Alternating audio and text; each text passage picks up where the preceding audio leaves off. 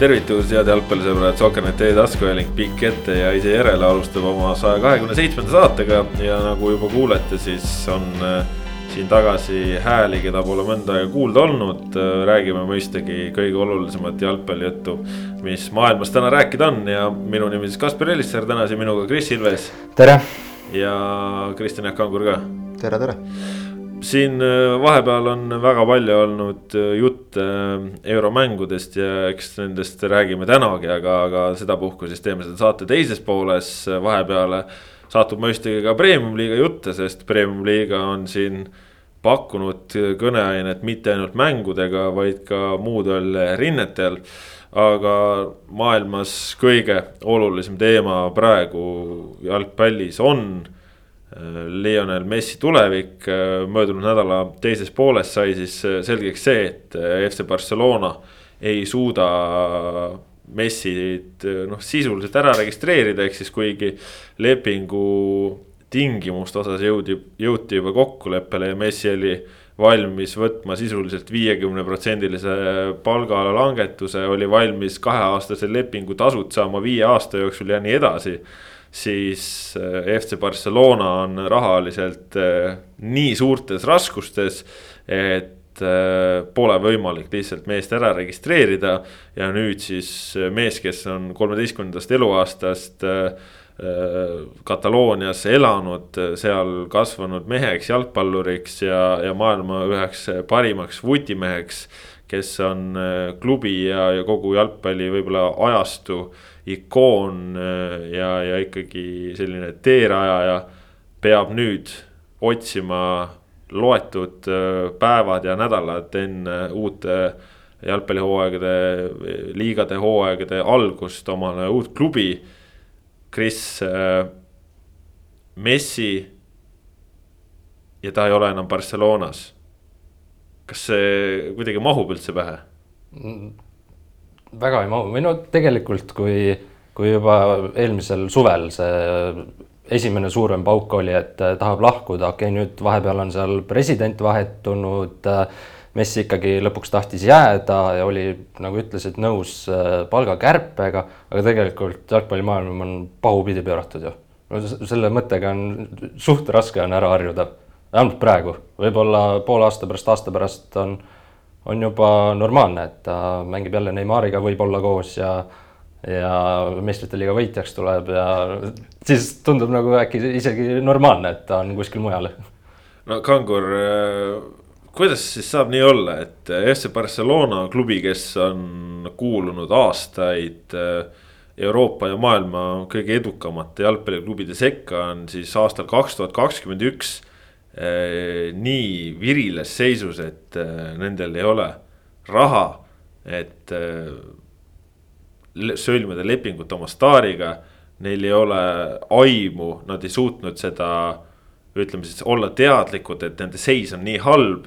et nad suudavad olla miljardi euroga võlas ja et nad noh, sisuliselt on väga lähedal üldse totaalsel kollapsil, sest neil on kulutusi ja võlgasid nii palju, et nad on tänase päevani ka olemasolevate mängijatega jätkamise osas nagu noh, ummuks, sest nad ei pruugi saada kõiki mängijaid registreeritud, kuidas see võimalik on? noh, kui Juhan Laporta ütleb, et meie palgafond on praegu üheksakümmend viis protsenti. et eh, noh, kulutused peaksid olema tegelikult sissetulekutega võrreldes kuuskümmend, kuuskümmend viis protsenti. Eh, võib ju süüdistada La Ligat samas on see igati täiemõistuslik, et La Liga on pannud sellised äh, piirangud peale. muidu läheks asi käest ära, noh, La Liga teab ju ise ka väga hästi, et äh, kui äh, Real ja, ja Barcelona lähevad noh, nagu väga pika puuga teistele eest ära, siis kahandab see hoobilt huvi liiga vastu. tegelikult on ju olnud noh, ikkagi suures plaanis jah, need kaks on nagu eraldi, aga, aga asi on ju olnud okei okay Atletico võtab siin, võtab siin tiitleid, eh, noh, on, on teised ka suures mängus täitsa sees olnud, et ei ole nii, et esimene-teine on kogu aeg need kaks sama klubi ja, ja siis on tükk tühja maad ja ülejäänud.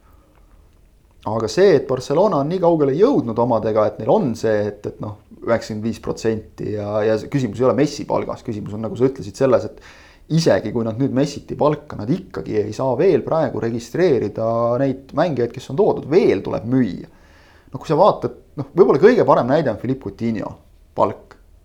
Antoine Griezmanni palk, noh, Griezmann on hea mängija, ta on ju nagu vastu ka andnud. Coutinho on suurepärane näide sellest, et kui sa paned suure lepingu lauale mehele, pika lepingu veel eriti. mehele, kes siis lõpuks isegi sinu ridades ei mängi või noh, ei, ei tee nagu mitte midagi selle raha eest. Griezmanni palk, eks ole, on kuidagi tehtud nii, et, et see muudkui see summa kogu aeg kasvab, ehk et noh see, see, see kivi, mida mäest üles lükata, see läheb tegelikult järjest suuremaks. Samamoodi noh, Miralem Pjanic, eks ole, keegi nagu eriti aru ei saanud, miks ta toodi, miks talle, noh, okei okay,, miks ta toodi veel, aga et miks tal sellist palka nagu maksma pidi. ja, ja nii edasi ja nii edasi, et okei okay,, Laportal on praegu lihtne ja noh, vaatasin tema seda avaldust ka, mille ta tegi siis reedel, päev pärast Messi uudise avalikuks saamist. tal on muidugi lihtne praegu ajada kõik ikkagi eelmise presidendi kraesse veel aga tegelikult Barcelona olukord on selline, nagu on paljudel ettevõtetel, mis iganes valdkonnas nad tegutsevad. praegu nüüd ütleme koroona hädade ajal järel. kui sa ei ole tuleviku peale üldse mõelnud, oled elanud hetkes, siis sa oledki omaga, omadega noh, selles samuses praegu kaelani heal juhul. Barcelona on veel sügavamal tegelikult ehk et äh, ei mõeldud tulevikule. Arvestati sellega, et meil on suur staadion, me müüme selle kogu aeg välja. Messil oli selles väga suur roll muidugi, aga ka noh, mitte ainult Messil, Barcelona kuvandil kui sellisel.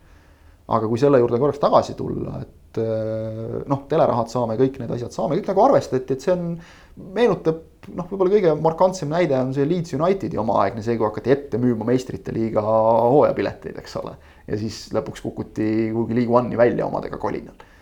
et, äh, et kui sa noh, nagu ei oska majandada, siis vahet ei ole, kas sa pead kuskil nurga peal mingit burgeriputkat või sul on tõesti võib-olla maailma üks suuremaid jalgpalliklubisid, et siis sa lihtsalt noh. ütleme, kukkumine on seda valusam lihtsalt veel, putka paned kinni, kuidagi lähed kraavi kaevama, kogud jälle kapitali ja hakkad jälle otsast peale, siin praegu seda teha on väga raske. aga tulles selle juurde tagasi, et, äh, et Barcelona ilma Messita, siis noh mina olen õnneks nii palju vana inimene, et ma nagu mäletan veel Barcelonat enne Messit, et tegelikult oli siis ka täitsa klubi olemas, noh et päris nii ei olnud, et mees tõstis mingi mudaliiga satsi kuskilt üles. aga, aga võib-olla see, mis Kris ütles, on natukene nagu seda üleminekuperioodi kergemaks teinud, et noh. mina, kes ma suhtun Barcelonasse suhteliselt neutraalselt, mulle tundus see ikkagi nagu väga realistlik, et kui on sellised probleemid ja see koroona olukord jätkub. et ega seda raha nüüd kuskilt ämbritega juurde ei hakka tulema järsku seda enam, et Laporta tundub, et noh, on nagu pigem sellise mõistlikuma majandamissuuna pooldaja võrreldes eelmise presidendiga. et siis, eh, et noh, see on, see on tõenäoline, et, et nad ei suuda lihtsalt Messit hoida, sest mingil hetkel tekib see küsimus ka, et Messi või ülejäänud klubi. sest tema palk oli lihtsalt niivõrd suur ja noh, nooremaks ta ei jää, ükski meist, keegi meist ei jää.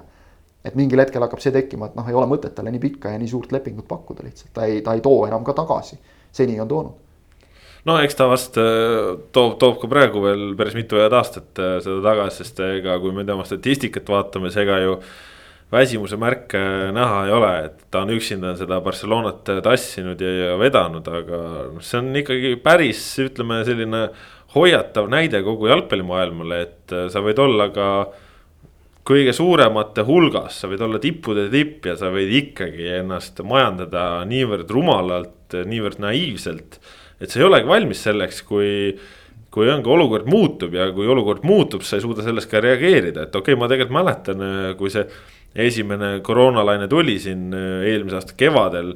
siis ju noh, tegelikult siin aegade, aegade jooksul ka Barcelona hakkas üha enam teatama uutest lepingutest, mis nad on mängijatega sõlminud, aga need olid siis selles mõttes teistsugused lepingud, et need olidki lepingud, kus siis palgafondi vähendati, kus mängijate tasu alanes aga tõesti siis klauslitega, et makstakse mingite aastate jooksul see järgi ja nii edasi, on ju, et seal päris mitu võtmemängijat tegid äh, sellise diili.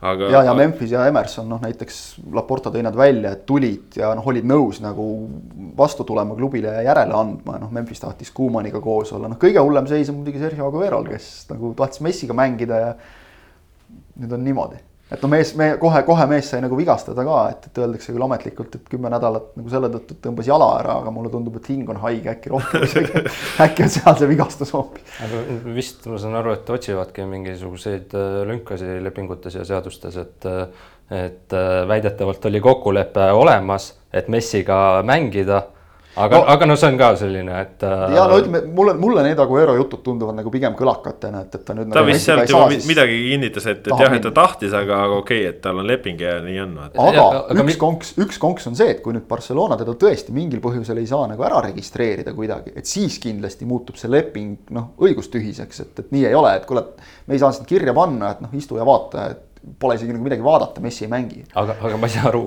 mida see lahendaks, ta tahab Messiga mängida, mis ta nüüd arvab, et ta saaks äh, niisama, oletame, et Messi läheb äh, BSG-sse, mis Aguero jalutaks siis niisama BSG uksest sisse või, et Selle ma tahan ongi... Messiga mängida sellepärast ongi absurd, seal öeldakse, et kuule vaata, et siin on üks noorem poiss, Mbappe on nimi, et tal tuleb ka päris hästi välja, et meil ei ole praegu vaja seda. ei noh, samas Kun Aguero ilmselt oma CV-ga võib ikkagi päris mitmesse kohta jalutada, nii et ma tahaksin siin mängida, et mis sa arvad sellest ja seal aga mängi.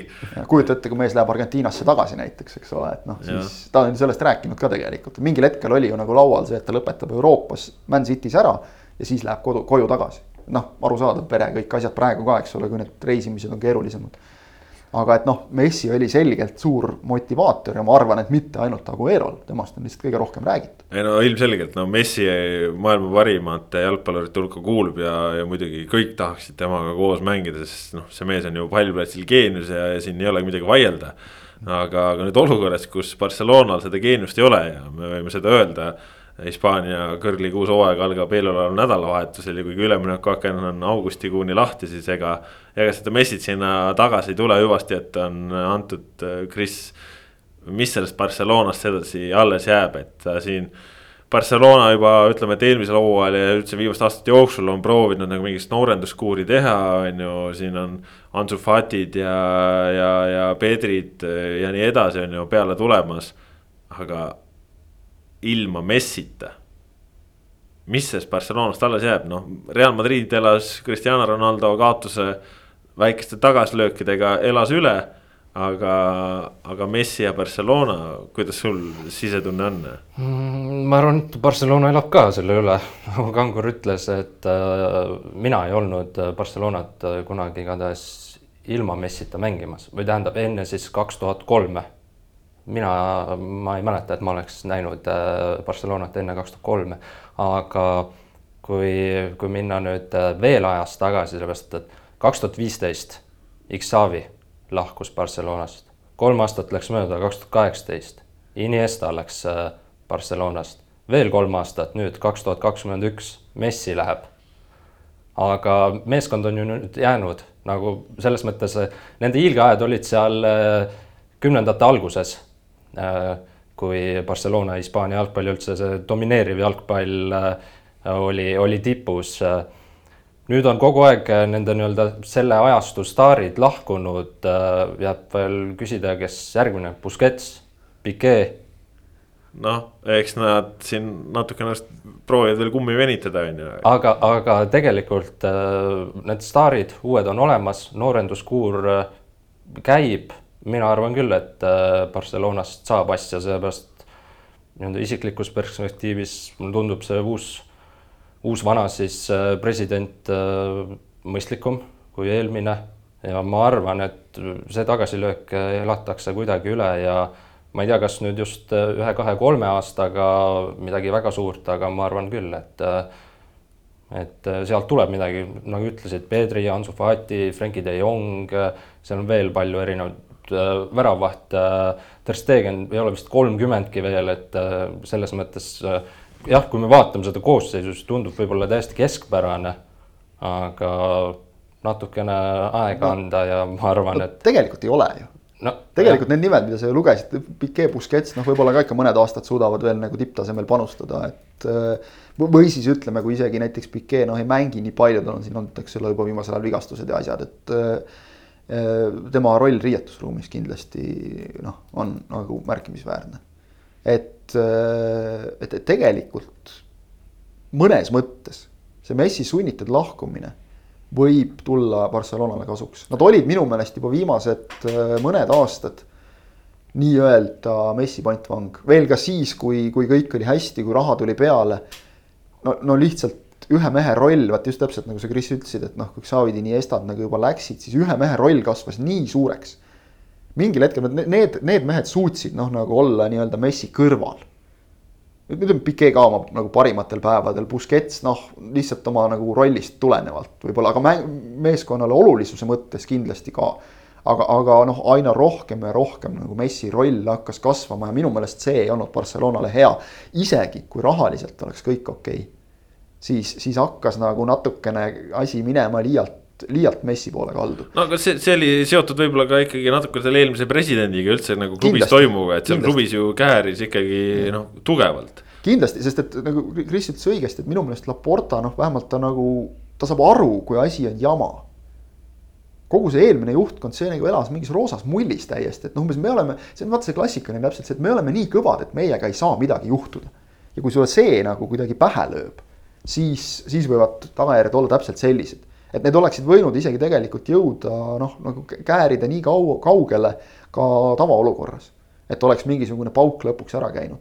aga praegu, kui sa, kui, kui nagu vaadata tegelikult, Barcelona on kogu aeg rääkinud noh, võtad juba klubi moto, eks ole, rohkem kui klubi ja nii edasi Nad on alati rõhunud ju tegelikult päris palju oma kasvandikele, oma noortele, noh, sellele Katalooniale, kõigele sellisele, millele ütleme näiteks kasvõi Real Madridil noh, on, on raske rõhuda sellele, sellele Kataloonia piirkonna esiklubi tiitlile midagi sarnast leida Realil on väga raske. noh, nad saavad olla need, keda kõik vihkavad, aga, aga see ei ole nagu see päris. et selle peale saab ka teinekord ehitada, aga, aga Barcelonal praegu minu meelest väga hea tegelikult nagu elu on mänginud kätte praegu päris hea šansi, kus sa saad nagu rahulikult tõsta käed üles. Öelda, et sõbrad, otse öeldes seis on sitt. me hakkame nüüd noortega tulema. mõned vanameistrid jäävad, me ei too mingeid suuri staare, me hakkame nende noortega tulema. okei okay,, seda Pedrit on nüüd siin ka erinevatel koondise tasanditel jooksutatud nii, et kuidas ta ühes tükis püsib, on arusaamatu, et mängis siin alles olümpiafinaali, kus Brasiiliale kaotati, eks ole, ta mingi seitsekümmend pluss mängu on mänginud sel hooajal, see nüüd ka normaalne ei ole kuskilt otsast. ja pole puhanud, sest enne Just. seda oli EM-il, enne seda no, oli klubihooaeg ja, ja nüüd nädala pärast algab uus hooaeg. no ma ei, ma ei usu, et ta nüüd äh, kohe no. hooaja. ei, no kindlasti mängima. mitte, aga no lihtsalt. puhkab kaks vooru ja tuleb aga jälle. lihtsalt, lihtsalt see, et kui sa ei saa teha normaalset hooaja ettevalmistust, kui sa ei saa normaalselt puhata ja sa oled noor mängija, noh, see on. see on natuke halb. ta näeb välja ka pigem kolmkümmend viis, kui, no see väsitab, kaheksateist vist on see väsitab, eks ole. aga, aga et kui võtta, siis tegelikult noh, no, no on ja, ja peab veel olema ilmselt mehi, kellest me nagu praegu väga ei, ei tea nagu suuremas ringis. seal Barcelona akadeemias neid, kellest, kellest tuleb mängumehi küll, et kui tegelikult vaadata seda viimast hooaega, siis, siis ega need noh, Pedrid ja kõik teised, kes sealt tõusid ja tulid, et seal on sisu küllalt et kui nüüd nagu on natukene seda julgust, et noh, meistrite liiga koha, ma arvan, selline ütleme siis natuke nagu poolpidune või noh, praeguse koosseisuga Barcelona no ikka peaks välja mängima. No, Kuumani käe all, ärme seda unustame, treener on hea. selles noh, kas Kuuman on Barcelonas hea või mitte, see on võib-olla eraldi küsimus ka no, diskussiooni teema on ju. aga, aga noh, ega noh, ma ütlen ka, et ega suures plaanis ja pikas plaanis, ma arvan, ei peagi keegi muretsema, et Barcelonast asja ei saaks, aga kui me räägime lüh lühikesest plaanist, kui me räägime algavast hooajast. ma usun, siis siin paneb küll Messi lahkumine väga suure põntsu, sest esiteks ka klubi oli arvestanud, et ta jääb tegelikult. ja, ja neil ei ole siin varianti teda asendada ja, ja Messist sõltus juba mäng nii palju, ehk siis ma kujutan ette, et see algav hooaeg võib igas mõttes tulla selline leinahooaeg, kus. kus nagu sats ei suudagi päriselt aru saada, et meil on nüüd raskus, et kus nüüd see mees on, kellele ma söötma pean. aa, et teda ei olegi, oot, oot, oota, kelle ma söödan nüüd siis? ise pean lööma ikka. et kas, kas ma ise, et ma ei tea, Martin Breitvit hakkab mänge tegema, et mis, mis nüüd toimub nagu. aga sa võib-olla vaatad liiga negatiivselt seda äkki osad mehed võib-olla seal platsil äh, saavadki mingisugusest pingest ja kohustusest vabast, vabaks, et, äh, et mest ei ole, tema ei tee. kurat, me peamegi nüüd ju ise mängima ja võib-olla see mõnele mehele tuleb kasuks. äkki, äkki De Jongile näiteks tuleb minu meelest temas nagu on liidriainest, et noh, tõustagi nüüd siis nagu uue põlvkonna noh, nagu vedajaks et noh, oleme ausad, Busquets, Piquet noh ka ikkagi nagu vaikselt ju juba hakkavad taanduma. ei no jah, ei no ma ütlen, ongi seda, seda sisu varianti on, aga, aga mul lihtsalt nagu enda sisetunne on selline, et nagu algav hooaeg, noh, see. no ma ei tea, meistrite liigat nad ei võida ja Hispaania liigat ka mitte, noh. seda julgeksin praegu öelda, ma olen siin varemgi neid julgeid väljaütlemisi teinud, aga. ja noh, on läinud ka enam-vähem, et äh, selles mõttes. väga aus enesehinnang. selles mõttes äh, noh ma mõtlen, ongi pikas perspektiivis ma ei näe probleemi, aga, aga ma arvan, et see hooaeg eriti, et mis hetkel see tuleb, noh nädal aega enne hooaja algust.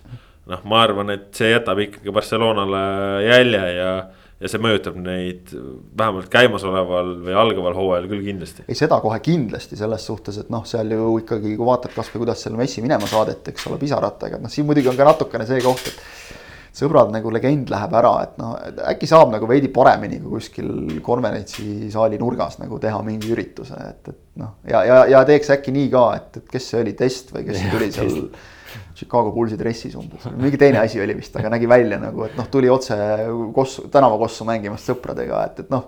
veits saaks paremini nagu, et see nagu näitab ka tegelikult. raha, nad ei saa teha. no ei no ongi täpselt, et ei jõua isegi nagu neid noh, ülikonnast ei räägi, saaks nagu ühtemoodi polosärgid selga kõigile et aga, aga noh, nagu see nagu näitab ka natukene, et, et seal on mingi täielik bardakk praegu, et, et noh, tegelikult see ei ole ju keeruline orgunnida, et, et võtta, kuidas Ramos läks Realist, eks ole, ei olnud midagi erilist aga asi oli noh, nagu soliidselt ära tehtud.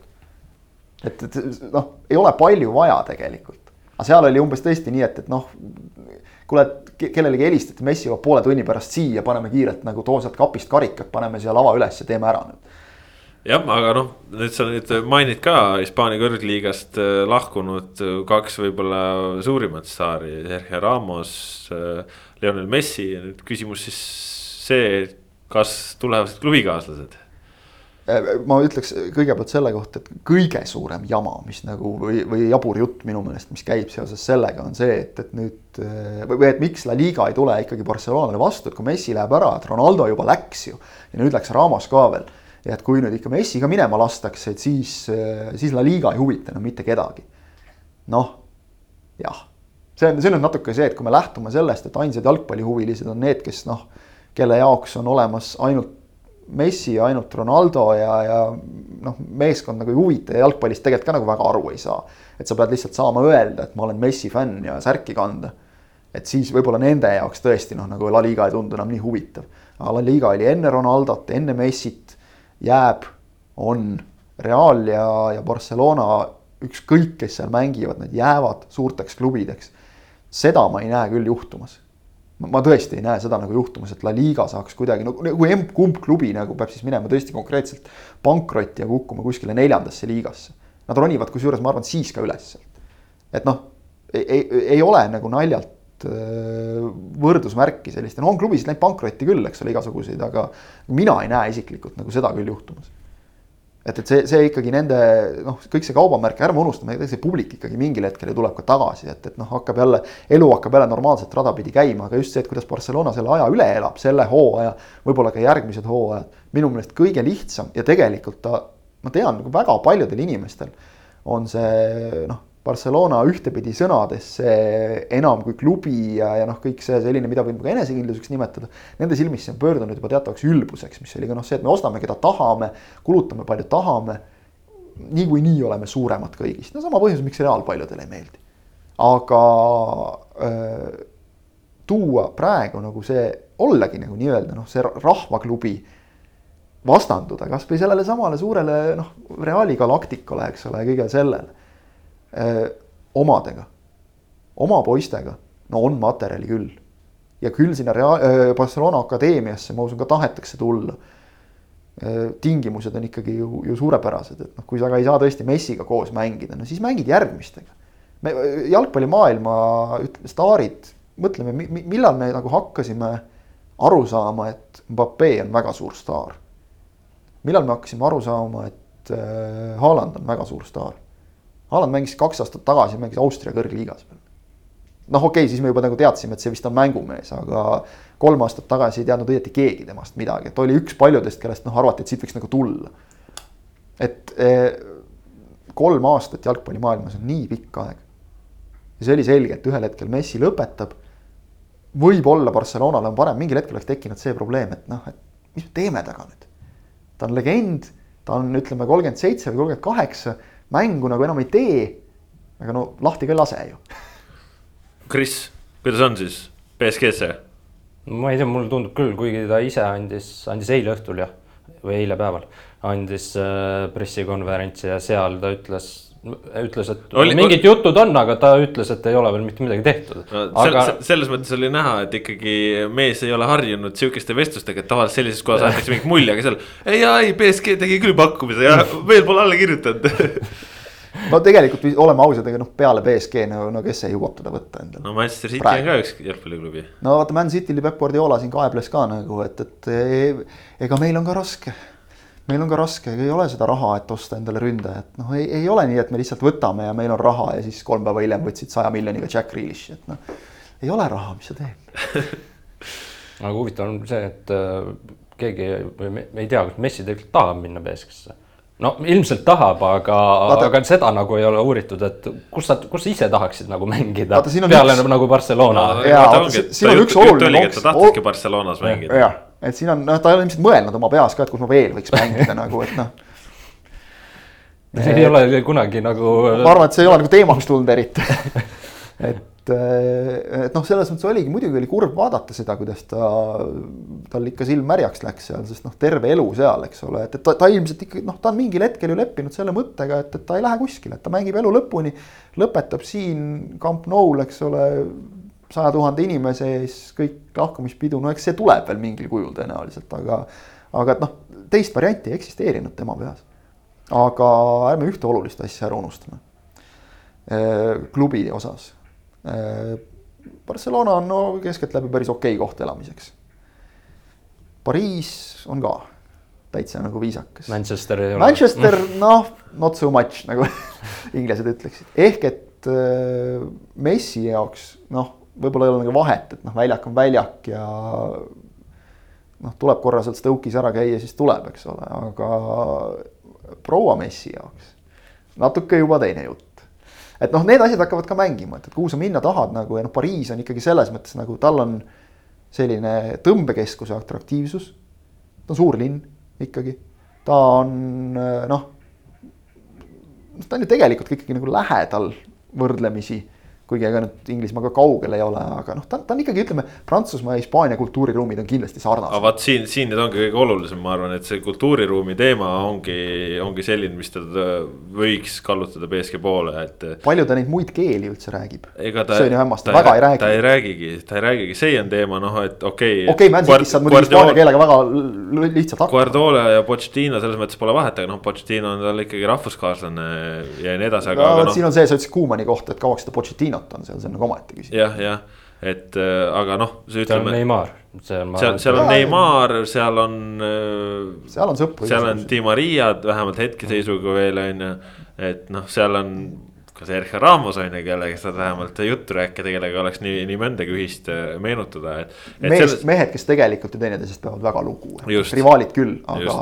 ja, ja noh, noh tegelikult ikkagi jah, see, see tuleb sinna juurde, et äh, just, just see üleminek, et kui sa tuled Katalooniast, sa tuled Hispaaniast, siis tõesti Prantsusmaale, noh, seal, kui sa oled BSG-s, sa oled liiga staar, sa saad nautida, sul liiga tõenäoliselt võimaldab särada, võimaldab nautida, sul on seal komplekt koos, sa võiksid püüda meistrite liiga võitu.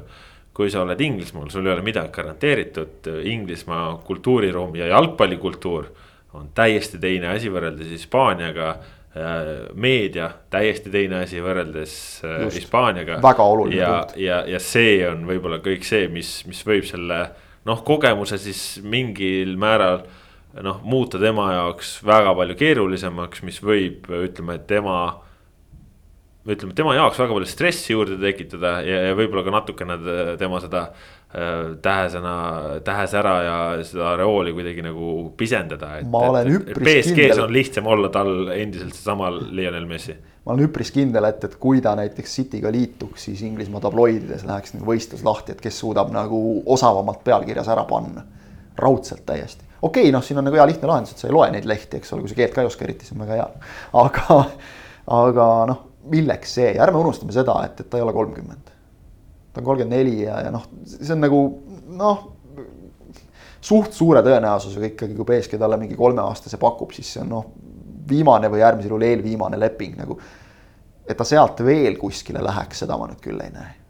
et ta veel, no äkki, äkki äärmisel juhul, no vaat koju, aga siin ongi see küsimus. Barcelonasse. nojah, just. et jah, kusjuures seda ei saa ju tegelikult välistada, et mingil hetkel ütleme kolme-nelja aasta pärast Barcelona toob ta korraks veel tagasi. See, see on tõesti võimalik, sest noh, Argentiinast tema puhul kui kodust ei saa näiteks erinevalt Aguerost ju rääkida. see ei ole ju kodu, tema kodu on, on Hispaania ja Barcelona. nii on aga, aga see kõik, et noh, nagu need ütleme jutud noh, nagu Barcelona ja La Liga surmast nüüd Messi lahkumise järel, noh. Need on, kuuldused minu surmast on, on liialdatud, siin sobib see klassika jah, no igatahes saame näha, mida tõesti tulevik toob, ilmselt väga kaua siin settima ja ootama ei pea, Messi ise ütles ka, et kui teade välja tuli, siis telefon läks punaseks ja. ja noh. noh, kellega ta siin jõudis liituda, juba Tallinna Kaleviga, eks ole, siin kõik. Narva Trans vist. palju neid, kasutan võimalust mm, sa oled saates, et noh, need screenshot'id sellest, et kuidas Arsenal ütleb hello, Messi vastab no aga kusjuures. kõik niisugused, noh, see folkloor nagu see on jälle äge, et see tuleb. jah, ma muidugi ei saa välistada, et noh, praegu räägime. et Arsenali või? ei, räägime paarist klubist, aga noh. selle saab välistada. tegelikult kindlasti huviliste ringi kuuluvad ka Juventus, Juventus ja Ronaldo ja, ja miks mitte ka Müncheni Bayern kindlasti. ma arvan, et laua pealt on see läbi käinud, et kuulge, et äkki teeks nii. no ma just mõtlen, et kas vist saab ikkagi ühe käe sõrmedel lugeda üles nagu need klubid, kes üldse. no nagu Chelsea kindlasti Abramovitši rahakotiga on ka kuskil seal ja siis meil ongi juba viis setsi koos. just, aga et noh, kas me nagu, no kas on Chelsea reaalne tegelikult? ei, reaalne ei ole, aga nagu huvi võid ikka tunda. ei, huvi võib muidugi igaüks tunda, täpselt, noh, Tallinna Kalev võib ka tõesti kirjutada ja, ja öelda no,, no, et kuule, vaata, et me juba pildi tegime ära, et kus sa oled nagu meie vormis, et noh, äkki ikka kaalud seda asja, et sinine särk on ka ilus, aga et noh, reaalselt ikkagi tegelikult ju no on BSG ja siis on teised. Jah, nii on. saame näha, igatahes äh, Messi nüüd endiselt vaba agendina laual ja ja Messi on siin tõesti ka Eesti klubide juttudest läbi käinud siin hiljaaegu. Gerd Kamps, Paide linnameeskonna spordidirektor, ütles, et oli valida, kas Lionel Messi või Ragnar Klavan, valisid Ragnar Klavani ja, ja valisid äh, noh, siis hästi, et Ragnar Klavan nädalavahetusel. mitu väravat, ütle mitu väravat Messi lõi eelmisel nädalal no null no,, null jah. mitu Klaavan lõi? Klaavan lõi kaks ja, ja Paide võitiski Ragnar Klaavani kasvatajaklubi Viljandiku tuleviku kolm-üks, nii et. Klaavan siin teist mängu järjest suures pildis, eelmine kord Flora vastu taga null, seekord taga nulli ei olnud, aga ees väravad tulid ära ja noh. Raku, me... Raku ikkagi näitab, et seal see kvaliteet ja klass on lihtsalt see ongi seeria tasemel ja, ja nii ongi jääme järgmist mängu ootama huviga mis sealt siis tuleb. paneb käärid näiteks kasti tagant kuskil. aga noh, hea näide jah, täpselt. Kani Otanda, noh, Eesti liiga mõistes nagu täitsa sihuke korralik keskkaitsja. no niimoodi joosti ära ikka kaks korda, et oli joostud. hüpati lausa ära ka. hüpati ära, no joosti ära ja hüpati ära, sellepärast hüpati ära, et äh, ta oli pool meetrit maas, noh, täpselt üritas kätte saada, ei saanud. ja, ja, ja noh vaatasin Paides. Ragnar Klavaniga kaasneb mingi selline asi, et, et mis minu jaoks tema puhul on kõige hämmastavam, on see, et ta, kui sa temaga juttu ajad, noh, vaatad teda pärast mängu, kus ta on valmis seal kõikide fännidega pilti tegema.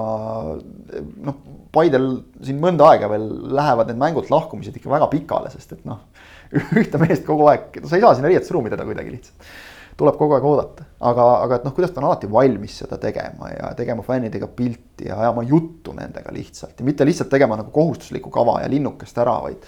vaid ajama juttu ja noh, olema ja, ja, ja nautima ka kõike seda, nautima kodus tagasi olemist ja, ja kõike seda ta teeb nagu hea meelega. kas sa lihtsalt vaatad teda, et noh.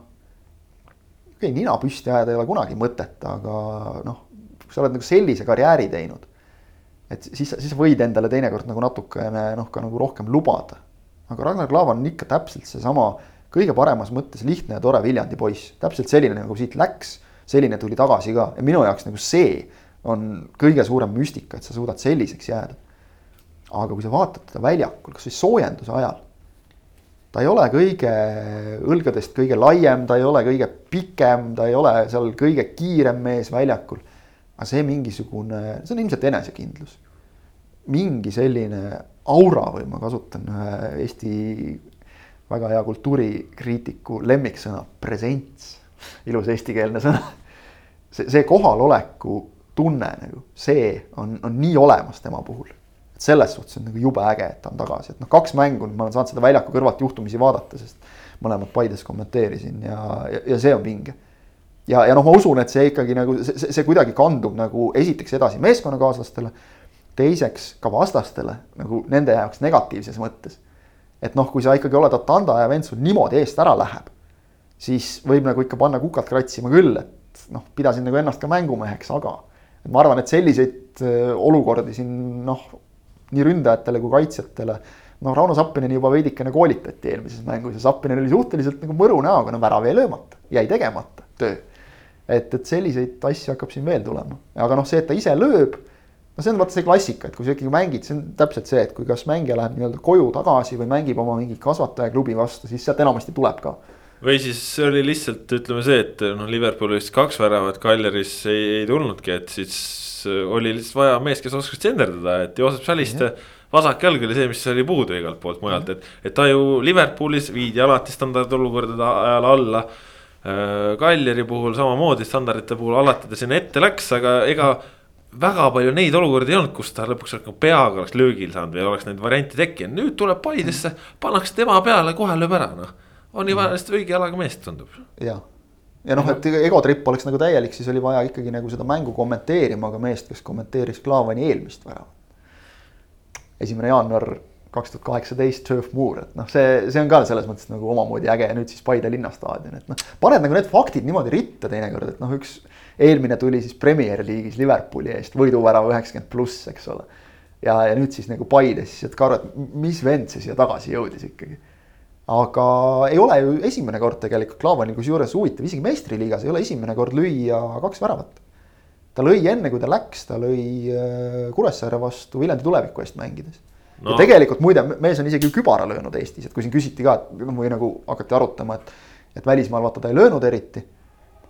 et, äh, et, et noh, äkki on üldse esimene kord, aga ta on isegi esiliigas Elva eest löönud äh, kübara lausa no,. siis ärma, ta vist ei mänginud küll kaitses. jah, ärme unusta jah, et ta oli ikkagi Eesti Beckham ja, ja, ja vasakäär ja kontrolli poolkaitse ja kõik asjad, mida ta karjääri jooksul olnud on. aga mis on huvitav, on see, et, et lihtsalt protokolle vaadates jäi silma, et äh, Elvas mängis ta koos äh, selliste härradega nagu Sander Post ja Raiko Mutle selles mängus, mõlemad olid protokollis. ja kui ta tuleviku eest need kaks tükki Kuressaare lõi, siis lisaks Postile ja Mutlele oli ka Rain Tölpus ehk et äh, sisuliselt kogu Viljandi tuleviku juhtkond, et noh, ei saa nagu ikka üle ega ümber sellest Klaavanist, eks mõtlesid just, et jess, läks välismaale. noh, no meile ikka ei löö, siis tuleb tagasi ja lööb ikka. Aga et noh, on, on mida meenutada, ütleme, et, et seda oli ka tore vaadata, kuidas, kui Post ja Klaavan seal kokku saavad jälle, et, et noh. see, see lisab nagu sellist mõnusat värvi liigale ma tabasin end mõttelt, äh, kas oli eelmine saade või, või no igatahes oleme arutanud oli üleminekutest juttu veel see, see uudis, kui Klaavan tuli, siis, siis järgmine saade, et, et kui palju Paide tegelikult tugevamaks läheb. et kas Paide oli selle üleminekuakna üks suurimatest võitjatest, seda arutasime, lõpuks jõudsime järeldusele, et me ei saa ära unustada, et ta on, ta on keskkaitsja, ta ei ole, ta ei ole ründaja. aga nagu viimane mäng näitas, Henri Anier ei olnud, Klaavan oli olemas ja lõi väravad ära ja no rääkisime selles mõttes nagu iseendale vastu, Klaavan näitas selle mänguga, et, et väga palju sõltus temast. väga õige, suur kinnieksperdid väljakul tehakse mängu, mitte kuskil mikri taga, aga. Aga Anjeris ka siis sai olümpial oma pronksmedali kätte väga kahtlane, et, et täpselt nagu mängukeeld ja vigastus langesid täpselt sellel ajal, kui üks Anieri näoga mees, kus ta võitis? Ungari veepallikoondises väravvaht oli ta. Ungari veepallikoondises medalile tuli, et siin noh. uuriv, uuriv ajakirjandus peab ikkagi nüüd süvenema sellesse põhjalikult, mis värk on. kes ei tea, millest juttu on, siis ristnurgas kindlasti leiate, leiate pildi üles, kus tõesti Ungari veepallikoondise no, vaatab pilti, vaatab pilti ja on Anijärv no,. ei saa vastu vaielda nagu. keegi ei ole meile kinnitanud veel või tõestanud veel vastupidi. oleks ma näinud Anieri Paides väljakul, ma oleks öelnud, vot näed, ei noh, võib-olla ei saanud olla nagu, ei olnud mm. -hmm. see pronksmäng oli eile vist, et. no vot. No, vot. äkki, äkki nüüd täna peaks siis äh, Eestisse saabuma medaliga või? või mingisugune lennujaamas vastu. minge lennujaama vaadake seal, ma jah, seal, seal on need vaata, kes piiluvad seal neid lennukeid fotokaga aia tagant, et võtke suurem objektiiv kaasa.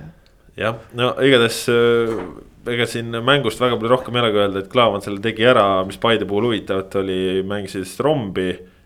keskel ja ees kahe ründajaga ja, ja tulevik tegelikult oli väga hästi mängus sees, kuni noh Klaavan tegi oma asjad ära, et.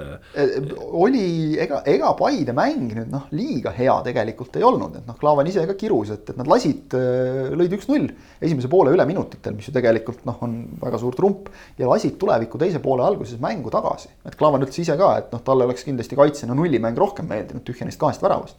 üks-null võita oleks olnud täitsa piisav. aga noh okei okay,, võeti võit ära, tulevik oli ka hea lihtsalt, see oli ka nagu noh, neil sai veidikene jaks otsa. see mäng läks niisuguse tempoga. natukene meenutas korra, korra algul jäi nagu mulje, et siit tuleb järgmine viis-kolm nagu tuleviku eelmine kohtumine. aga, aga mulle tundus, et lõpus sai lihtsalt jõud otsa ja noh, tulevikul sisuliselt ei olnud pinki ka. et neil oli vist neli varumeest või viis, viis varumeest seal ja, ja, noh, tulidki ainult Gerdo Juhkama äärekaitsesse, mis oli selline natukene noh, sundkäik nagu ja, ja siis äh, Kristjan Kaisk ründesse veel vahetusest, et noh, väga palju rohkem ei olnud võtta. aga, aga Paidel on muidugi üks omaette väike probleem, mis seal mängus välja tuli, noh, Karl Möölist oleme juba rääkinud, et ta läks ära äh, hooaja lõpuni vähemalt Kuressaarde, aga Jussif tõmbas jala ära ja see nagu näitas kohe seda, et okei okay,, Sander Sinilaid tuli, sai kenasti hakkama. aga ega sinna alumise poolkaitse ja kontrolliva poolkaitse koha peale rohkem väga kedagi praegu panna ei ole, vähemalt mitte selliste kogemustega. ei ole et muidu nagu seal eespool on noh, on nüüd talenti nii, mis mühiseb, Siim Luts on hoos. Christopher Piht on tagasi, Anier tuleb tagasi, Davies on, on nagu olnud noh, mulle tundub ründes nüüd viimased kaks mängu teravam, kui ta on olnud äärel seni et kas kuidagi rollivahetus on aidanud mingit värskust leida, aga, aga et see on nagu väike murekoht et noh, kui kiirelt nüüd Jussif terveks saab, on, on, on küsimus. nojah, siin on äh, see nüanss ka, et tegelikult ju siin hooaja algusfaasis mõeldi selle peale ja teda on ka proovitud Kevar Palumetsa siis selle kontrolliva kuue peale, et noh, Eesti liiga tasemel noh, võib-olla huvitav näha, et euromängud nüüd möödas ka, et seal oleks liiga suur amps olnud, et saab näha, mis, mis Paides toimub, eks no vot Paide, Paide pluss ongi see. ka Kristjan Pelti hooaja debüüti tegemas. ja, ja, ja mängis nii, nagu oleks mänginud kogu aeg üheksakümmend, et see oli nagu väga, väga sümpaatne, et ta kasutas. ei kujuta ette, kui Šaku Kondo tuleb tagasi, ilmselt ta on ikkagi Klaavani kõrval noh no, teine põhikeskkaitsja. aga Pelt kasutas minu meelest oma võimaluse maksimaalselt hästi ära. jube äge oli vaadata, et kui keegi lasi nagu diagonaalsööte, siis neid lasi Pelt, mitte Klaavan Klaavan lasi ka kindlasti ühe. ei, ühe lasi küll. üks oli selline, ma vaatasin, kuidas see on võimalik, et sa paned kuuskümmend meetri selle palli lihtsalt oma vennale jala peale, et noh, on võimalik, kui sa oled Ragnar Klavan. just, jah ja., see sellega jälle kunagist trennikaaslast tsiteerides kuldne lause tuli sealt, hea on mängida, kui oskad mängida. jah, aga no mis Paidet puudutab, siis selles mõttes ikkagi huvitaval ajajärgul, et kui siin väga palju on olnud ikkagi positiivselt klubiga seotud ja, ja kõik need üleminekud ja asjad. Raku tulek ja nii, et siis on ikkagi ka natukene siukseid veidramaid asju toimumas, et noh, üks asi on see. Karl Mööli saaga on ju, aga nüüd ikkagi noh, mingi kass või, või koer või keegi on kuskilt jooksnud vahelt ka sealt treenerite staabist läbi ja, ja Indrek Selinski tuleviku kohal, kes on siis abitreener, mingid küsimärgid õhus on, et. et nädal vast toob selgust, et mis seal täpselt on ja mis sellest saab, aga noh. selles mõttes natukene halvad märgid, et, et kui nagu mingisugused jamad nagu satsis sees toimuvad, et noh. ükskõik millised need on, ega no just, olu olukorras, kus Paidel on ju selg vastu seina. no just, et kui, kui me räägime ja, sellest, sellest, et jah, et meil siin hooaja teine faas ja, ja, ja vaja mängida ikkagi medali peale, siis sul ütleme, tulevad ootamatud või planeerimata muutused, siis noh, see iga, igal juhul nagu võistkonda mingil tasandil mõjutab ja kõigutab, et selles mõttes. hea ei ole, et siuksed asjad õhus on ja kui ma ei eksi, siis ega ei olnud ju kaugel praegu tegelikult, kas tulevikuga viiki mänginud, oleks vist neljas viik liigas järjest olnud, et. jah, võidetud ei olnud pikalt jah. et vaadata, kus, kus siin nagu okei okay,, noh, Floraga, eks ole, kaks viiki on, on tipp-topp, aga noh, Tammekaga, eks ole, tulevikuga mitte võib-olla kõige veenvam mäng, sest tegelikult ju kolm-üks kindlustati ära lõpu, päris lõpuminutitel alles. just, jah et noh, oleks võinud jälle tulla kuskilt Kaimar Saag nurgast, eks ole, ja oleks olnud jälle kaks-kaks ja jälle punktid läksid. et jah materjali on, aga, aga lihtne ei ole nagu iseenesest. aga, aga kui nagu tuleviku juurde minna korraks jutuga, siis tulevikul on, on lihtsalt see, et noh, mingit stabiilsust võiks nagu, mingit stabiilsust võiks, võiks nagu olla tegelikult, vähemalt nüüd need kaks mängu on nagu näidanud. et, et noh, okei okay,, Tammekalt võeti kolm, eks ole, mis, mis ei olnud kõige parem. Aga kutsumata külalisi käib meil siin ukse taga raapimas vahepeal, juhtub ikka mis sa siin rääkisid, kassid-koerad just aga ühesõnaga tulevikul tulevikul äh, see, see mäng nagu andis kindlust, et äh, noh, võib-olla ei olnud ühekordne see ähvatus. et, et selles mõttes nagu äge oli vaadata, et seal, seal tasub silma peal hoida. Ja, ja kui tulevikku kinkis kaotuses ikkagi oma poiss äh, Ragnar Klavan, kes on kaitse, siis kaitsjad tegid tegusid ka, ka üldse nädalavahetuse jooksul, et Leegion ka siis noh, tuli ütleme kõigepealt siis väljakul niimoodi, et nendel ei olnud Nikita Andreevit, mängu järel selgus, et Andreev otsustas päevapealt karjääri lõpetada ja, ja järgmisel päeval sai selgeks, et läks Levadiasse abitreeneriks ja, ja skaudiks, siis noh, see, kuidas Leegion selle olukorra ära paikas, et Deniss Belov liigutas teiseks pooleks rünnakule. keskkaitses higitas Olberkise, kes Artjom Artjurine sõnul trennis väravaid ei löö, aga, aga. kuri kahtlus, et Artjunin rääkis sirge ja selge näoga täielikku jama, aga. aga igatahes Olberkis tegi ära, mis teha oli vaja ja, ja kuigi Leegion oli siis Vaprus vastu nullilt kaotusseisus, said äh, võiduks mängu ringi pööratud kaks-üks, et äh, Kris äh, noh, Deniss Belovi väike töövõit. jah, ma praegu vaatasin, millal Nikita Andreev oma viimase profikarjääri värava siis lõi. oli esimesel juulil Vapruse vastu neli-üks võidumängus, kas äkki oli penalti isegi või ei olnud? minu meelest oli mängust. jah, mängust, aga esimest korda nüüd teda ei olnud ja lõpuks tuli välja, et teda ei, ei, ei olegi enam ilmselt kunagi Leegionis ja võib-olla kunagi veel jalgpalli mängib, loodetavasti mängib, on ju ta alles kolmkümmend kolm. aga Belofilt jah, tuleb välja, et Andreevet polnudki vaja kui sa, kui sa leiad meeskonnast äh, sellise venna, kes ja need olid ju ründajalikud väravad, need ei olnud mingi sellised, et ma nüüd äh, koksan kuidagi ära ju. okei okay,, teisel tuleb natukene vainul no, ka. korralikult tuleb ainult jah. aga see esimene, ma saan aru, et äh, Kaljumäe ja Vapruse mängijad nõudsid seal viga, aga nii palju, kui ma kordusest vaatasin, siis korralik õhuvõitlus ja, ja lihtsalt Olberkis jäi püsti ja, ja see päris hea konks oli ka veel. see, see, kuidas ta lõpetas. see, see oli ründajalik. ehk ründajalik, et noh, tõesti selles mõttes noh, selle pealt sai nagu aru, et võib-olla Artjunin päris tõde ei räägi, et. Belov pärast ütles ka, et oot-oot, mis, mis lööb küll, sellepärast ma paningi ta siin et eh, noh, võib-olla kade meel ka Artjunini natukene, tahab sellega nagu ise äkki järgmine kord rünnakule saada, miks mitte. aga selles suhtes see oli, see oli tõesti nagu hea lüke, et eh, et nali naljaks, ei olnud nagu tehtud lihtsalt sellepärast, et noh, käsi kullas või see teine variant, et teeme pulli, paneme kaitse ette. Äh, esimesel poolel Leegioni rünnak ei jooksnud absoluutselt. ääre pealt anti tsenderdusi, noh, on selge, et äh, Kaljumäe ja Magnus Villata vastu Aleksandr Šapovalovil õhus võidelda on no sisuliselt võimatu. kui sa üldse vaatad neid ülejäänud eesliini mängijaid, et noh, võib-olla Leonid Arhipov on nagu natukene pikem poiss, et Kirill Nesterov, Sander Puri, noh, see on selge, et sinna ei ole mõtet lasta neid kõrgeid palle teisel poolajal, kui oli Olberkis ees, ta võitis kohe esimese kahe minutiga kaks õhuduelli ja siis lõpuks ka, ka lõi veel. et kohe oli temast kasu ja, ja toodigi Artjunin taha kaitsesse, et tema sealt pikka laseks. lõpuks küll jah, ei tulnud nagu temalt, tulid Šleinilt ja, ja Volodinilt need, need senderdused või söödud, aga aga iseenesest nagu mänguplaani muutus töötas ja Vaprusel paraku oli nii, et pink oli mehi täis, aga noh, vigastuste tõttu väljakule lõpuks kedagi saata ei olnudki, mängisidki lihtsalt nendesama üheteistkümne mehega lõpuni ja noh, seda oli näha.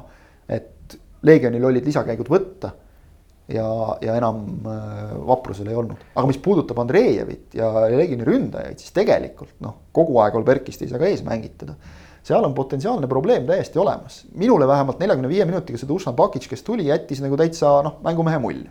vaadates tema CV-d, noh siis võib ka eeldada, et ta on mängumees. kuidas ta nüüd lööma hakkab, see on omaette küsimus. teine mees seal kõrval on Šapovalov. Šapovalovi vastu noh, ikkagi tuntakse Euroopast huvi, kui peaks nüüd juhtuma, et Šapovalov läheb, siis meil on ju aken kinni. hea küll, ühe vaba agendi saad tuua, aga noh, ikkagi on nagu keeruline ja vot no. siis võib see Leegioni rünnak jääda ikka väga-väga õhukeseks. ma tegelikult isegi ei näe seal probleemi, et kui sa no Albert Prosa on siin olnud poolteist aastat väga raskes seisus, aga ma arvan, et kui sa annad talle stabiilse mänguaja Seda siis, siis äh, ta võib sealt isegi oma enesekindluse leida, et, et, muidugi, et kui sa pingi peal oled ja. ja mängid äh, üle kolme nädala viis minutit, et noh, siis sa ei saagi rääkida sellest, et sa peaksid siis lammutama, et. et ta on karjääri jooksul nii palju väravaid löönud, et stabiilse mänguajaga, kui natukene seda enesekindlust kasvatada, ma arvan, et sealt võib tulla küll.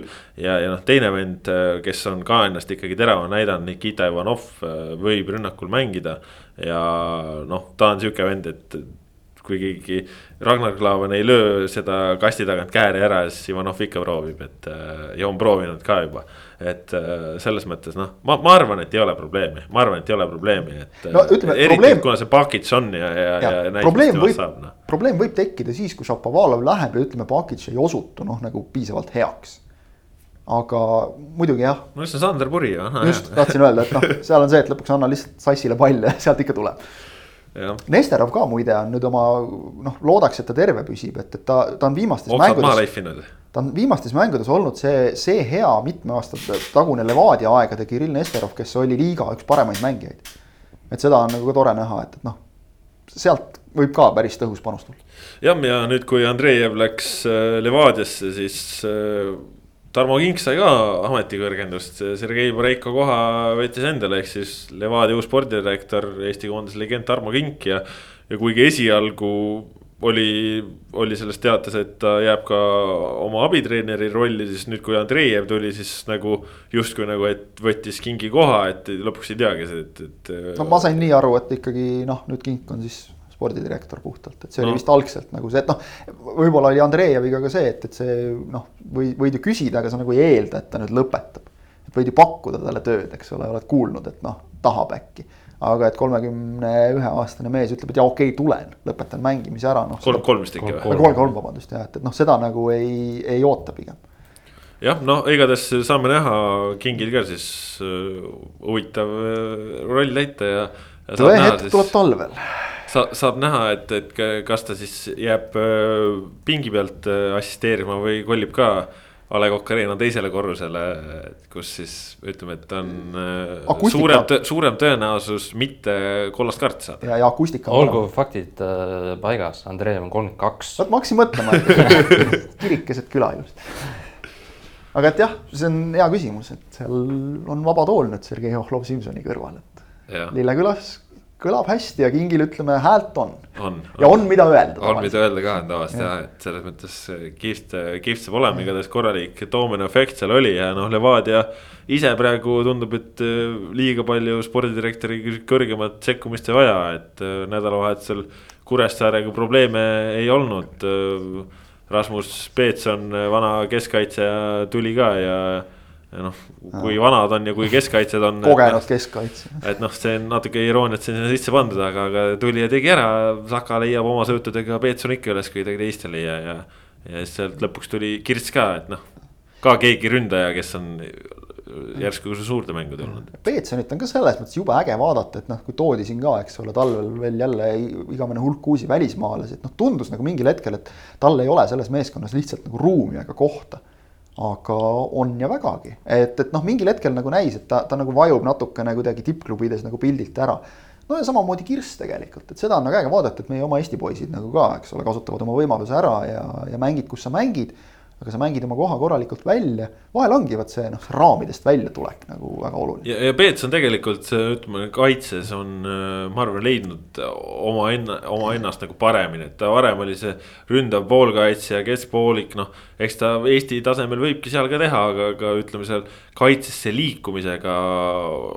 ma ütleks, et praegu, et miks mitte rahvusvaheline karjäär, et tal on, tal on ju, eks ole, noh, füüsist nagu keha kogu no, ta, ta, liikuvust kõ,. kõvasti. palliga mäng on. palliga mäng. kuna, kuna, kuna ta ongi keskpoolik on, palliga mäng on tal nii hea ja, ja tal on gabariidid on ka kasvanud no, niivõrd te... võimsaks, et noh. ta ongi õhus on hea juba, jaksab õlga panna sööduga on korralik, palli liikumisega on korralik, kiirust on piisavalt, et Loomus- hinge, hinge on sees. ja loomuselt ka selline parajalt nahaalne, et, et noh, keegi teda nagu seal ära ei hüppa ega ära ei tõuka kergesti, et noh, tegelikult tänapäeva jalgpall on läinud ju ka sinna suunda, et nagu ütles Brent Lepistu mingi mängu järel, kus vist äh, punase kaardi tõttu ta pidi mängima ise keskkaitset peaaegu terve mängu ja, ja ütles, et äh, et noh, et alumine poolik või, või keskkaitse, et noh, ega need positsioonid nüüd tegelikult nii väga erinevad ka ei ole. no Levadias eriti jah, et kui Just. sul see noh, keskkaitse ongi, ehitabki mängu rohkem, kui ta kuidagi peab peatama, et noh, palliga mäng on niivõrd oluline ja see on Peetsonil täitsa nagu just ütleme siis keskkaitse positsiooni jaoks või alumise pooliku positsiooni jaoks väga okei okay., et võib-olla jah, seal ründava pooliku kohal nagu jäi puudu sellest.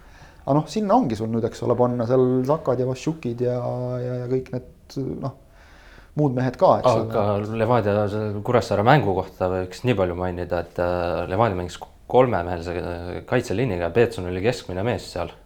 ja paberil oli joonistatud Lepistu siis nende peale, aga tegelikult nad olid Putinsaniniga enam-vähem vist kõrvuti, natukene oli võib-olla Putinsanin ründavamas rollis, aga mitte väga palju. ja siis lõpuks oligi kolm, kaks, kolm, üks kuidagi, jah, selline, no Putin Sanini võib panna siis nii-öelda kolm, üks, neli ah,, neli-kaks jah, Beglersvili oli joonistatud äh, Kirsi kõrvale, aga, aga ta seal väga ei olnud, tal oli väga-väga liikuv roll ja nagu, nagu põhimõtteliselt seal nendes euromängudes No, ta väga palju liikus äärele. üleüldse nagu on, on selgelt viimastes mängudes nagu eriti aru saada, et nagu ründavamatele mängijatele Savits ja Vassiljev annavad väga palju vabadust, et noh, seal on piisavalt kogenud mehed ka, et kes oskavad nagu mängu lugeda ja va- va- vajadusel positsioone katta. Aga jah, selles mõttes huvitav, et, et mängiti kolme keskkaitsega ja seejuures ääred olid Liivak ja Adžiri ehk et noh mm -hmm. kumbki ei ole nagu absoluutselt kaitsva suunitlusega mängija. et selles mõttes põnev muidugi. aga nad käi, käisid väga, väga all. No, no- Kuressaare oma mänguga lihtsalt ei, ei pannud neid nii palju Jah. proovile, aga, aga nad ikkagi käisid ka üpris all. aga no põnev vaadata nagu jälle seda, et, et kui treenerid katsetavad Paide oma rombi, eks ole. noh, töötas, ei töötanud, ega võib-olla esimesel korral ei peagi töötama, eks ole, Levadia on näidanud varem, et, et nad. Nad proovivad igasuguseid erinevaid asju, välja arvatud vale üheksat, seda neil väidetavalt ei ole. seda ei ole ja, aga Amir Nato sai ka debüüdikirja, jäi, jättis mingi mulje. väga ei saanud aru selle kahekümne minutiga, mis ta tuli. vastane pole ka võib-olla nagu päris Jaa. see, et mäng oli tehtud vist. Karmööli debüüt oli minu arust nagu tähendusrikkam, et mulle tundus, et Kuressaare palliga mäng just selles väljaku keskmises tsoonis oli oluliselt julgem ja kannatlikum, nii palju, nii palju, kui, kui ma jälgisin, et äh, sihuke mulje jäi, no eks, eks näis, mis sealt olema saab. no igatahes see on Levadiale kindlad punktid ja, ja Kuressaare on siis äh, tabeli lõpus see põhjakoristaja praegu, et. Et ega seal väga palju nendel väljavaateid ei ole ka, noh välja arvatud Tartu Tammeka, kes jätkuvalt ka ei. ikkagi ei leia ennast ja, ja Nõmme Kalju vastu null kolm kaotus. no see tagumine ots on ikka tihe seal. no tihe on küll, aga no kui mingitel satsidel ei keri, siis no Tartu Tammekal ei keri noh no ei, lihtsalt ei keri. Tammekal küll mitte jah, see, ma mõtlesin Kuressaare kohta. no Kuressaare noh. maha küll ei kannaks. noh, Vaprusel on seal tehniliste värkidega on ka kolm punkti lisaks, mis on neid aidanud seal. no eks neil on siin üldse mõnes mängus vedanud, aga noh, ma ütleks, et Vaprus on nagu oma selle. üllatavalt hästi mänginud. vedamise nagu siukse rämeda ränga tööga välja teeninud. et see noh, selles mõttes nagu ei saa öelda, et midagi oleks ülekohtuselt või üleliigselt neile antud, et see ja, ja jumal tänatud, et seal tagaotsas on, eks ole, just ikkagi põnev, et, et viimane nelik, noh, kõik koos, aga. aga Tammeka pärast on, noh, me oleme rääkinud Tammekast juba palju ja ega midagi muutunud ei ole, mure on. tõsine, tõsine mure on nagu ikkagi, just täpselt nagu sa ütlesid, no ei keri ja, ja. ma ei tea, kas seisev vesi natukene või, kas võib nii öelda, et seal ei ole nagu mingil hetkel jäid seal nagu asjad kuidagi toppama. sammu edasi ei tehtud, teised tegid teised nagu on teinud mingisuguseid käike oma võimaluste piires, aga, aga Tammeka noh, kas. no justkui tehti ka Taio ja toodi no, ja nii edasi. jah, aga ma ei tea. või noh, ja nii edasi on palju öelda, sest noh, edasi sealt väga palju on kaperdatud tagasi. jah, Kevin Mätas tuli ja, ja nüüd lipp võeti no,, eks no, ole. Mätas oli selles mõttes ju noh ikkagi sa võtsid temaga riski, on see, et ta esiliigas on löönud, see ei tähenda, et sa premium liigas oled, et Mätasega nad panid väga hästi täkkesse küll, et see noh, Mätas on väga, väga positiivses mängus. aga ongi nagu see, et, et noh, niimoodi objektiivselt võttes nagu ütled, ei noh, on ikka tehtud ka, et niisama pole passitud, aga kuidagi kõrvalt vaadates vähemalt nagu mängupildist ja kõigest jääb mulje, et mingi säde on puudu. no ikka, ikka nii puudu, et, et noh, see on, see on sisuliselt enam ei ole see nagu, et, et keegi on keegi on nagu tule ära kustutanud, et pirn keerati ka välja, et, et noh, see, see, see on vaja leida, sest et äh, muidu läheb, muidu võib minna halvasti. äkki, äkki seal on see, mida Kaido Koppel ise ka ütles, et äh, mingi kuu aega tagasi, et äh, vigastused on olnud, nad ei ole oma täiskoosseisuga saanud mängida, äkki nüüd, kui neil on enam-vähem koosseis paigas, siis lihtsalt annabki tunda, et nad ei ole saanud hooaja algusest nii-öelda täiskoosseisuga mängida. samas jälle, jälle nüüd ju Kalju vastu ka, Taio Tõniste mingi lihasprobleemiga oli kõrval ja noh et probleemid ei, ikkagi ei ole nagu otsa saanud, et. no vot, kui ongi see, et sul on tenniste kõrval, eks ole, noh, üks, üks-kaks meest nagu vigastusega väljas ja kohe on jama ja peab nagu lappima. et see on nagu keeruline, et noh, praegu kohati vaatad, et isegi sellel samal Kuressaarel nüüd eriti nende täiendustega, mis, mis nüüd suvel tehti, et nagu sügavust on meeskonnas veidi rohkem isegi. nojah, Kuressaares ei mahu enam mehed pingilegi ära. no jaa, et, et sul on ikkagi see, no jaa, aga et sul on seal pingilt on nagu võtta noh, nagu ikkagi nagu premium-liiga tasemega vendi, eks ole ja noh, Kuressaarel nägime ka vahepeal, et nagu liiga uhkeks ei, ei saa selles mõttes minna, et meil mehi küllalt, et noh, mõned vigastused on jälle jama. et aga, aga noh, nagu ütleme. Kuressaare pink oleks päris hea, kui kõik mehed oleks terved ka. siis küll jah. päris hea. kui, kui nad nagu ei oleks noh, nagu Otto Robert Lipp, kes tuleb ikka veel endiselt nagu mm. vigastusest tagasi ja noh, ei ole mänguvormi kui sellist. sa mõtled Tutk ja Soomre ja kes seal no, et seal nagu, seal nagu on, aga et jah, Tammekal on noh, vot just, et kes, kes nüüd nagu mängule juurde annaks väga palju et tegelikult ju noh, okei okay,, seal esimesel poolel jätsid nad ise ka löömata, aga seal oli Kaljul ikka päris palju variante ära panna ja see mäng varem ära otsustada, et, et noh. mulle isiklikult Kalju selles mängus jättis täitsa korraliku mulje.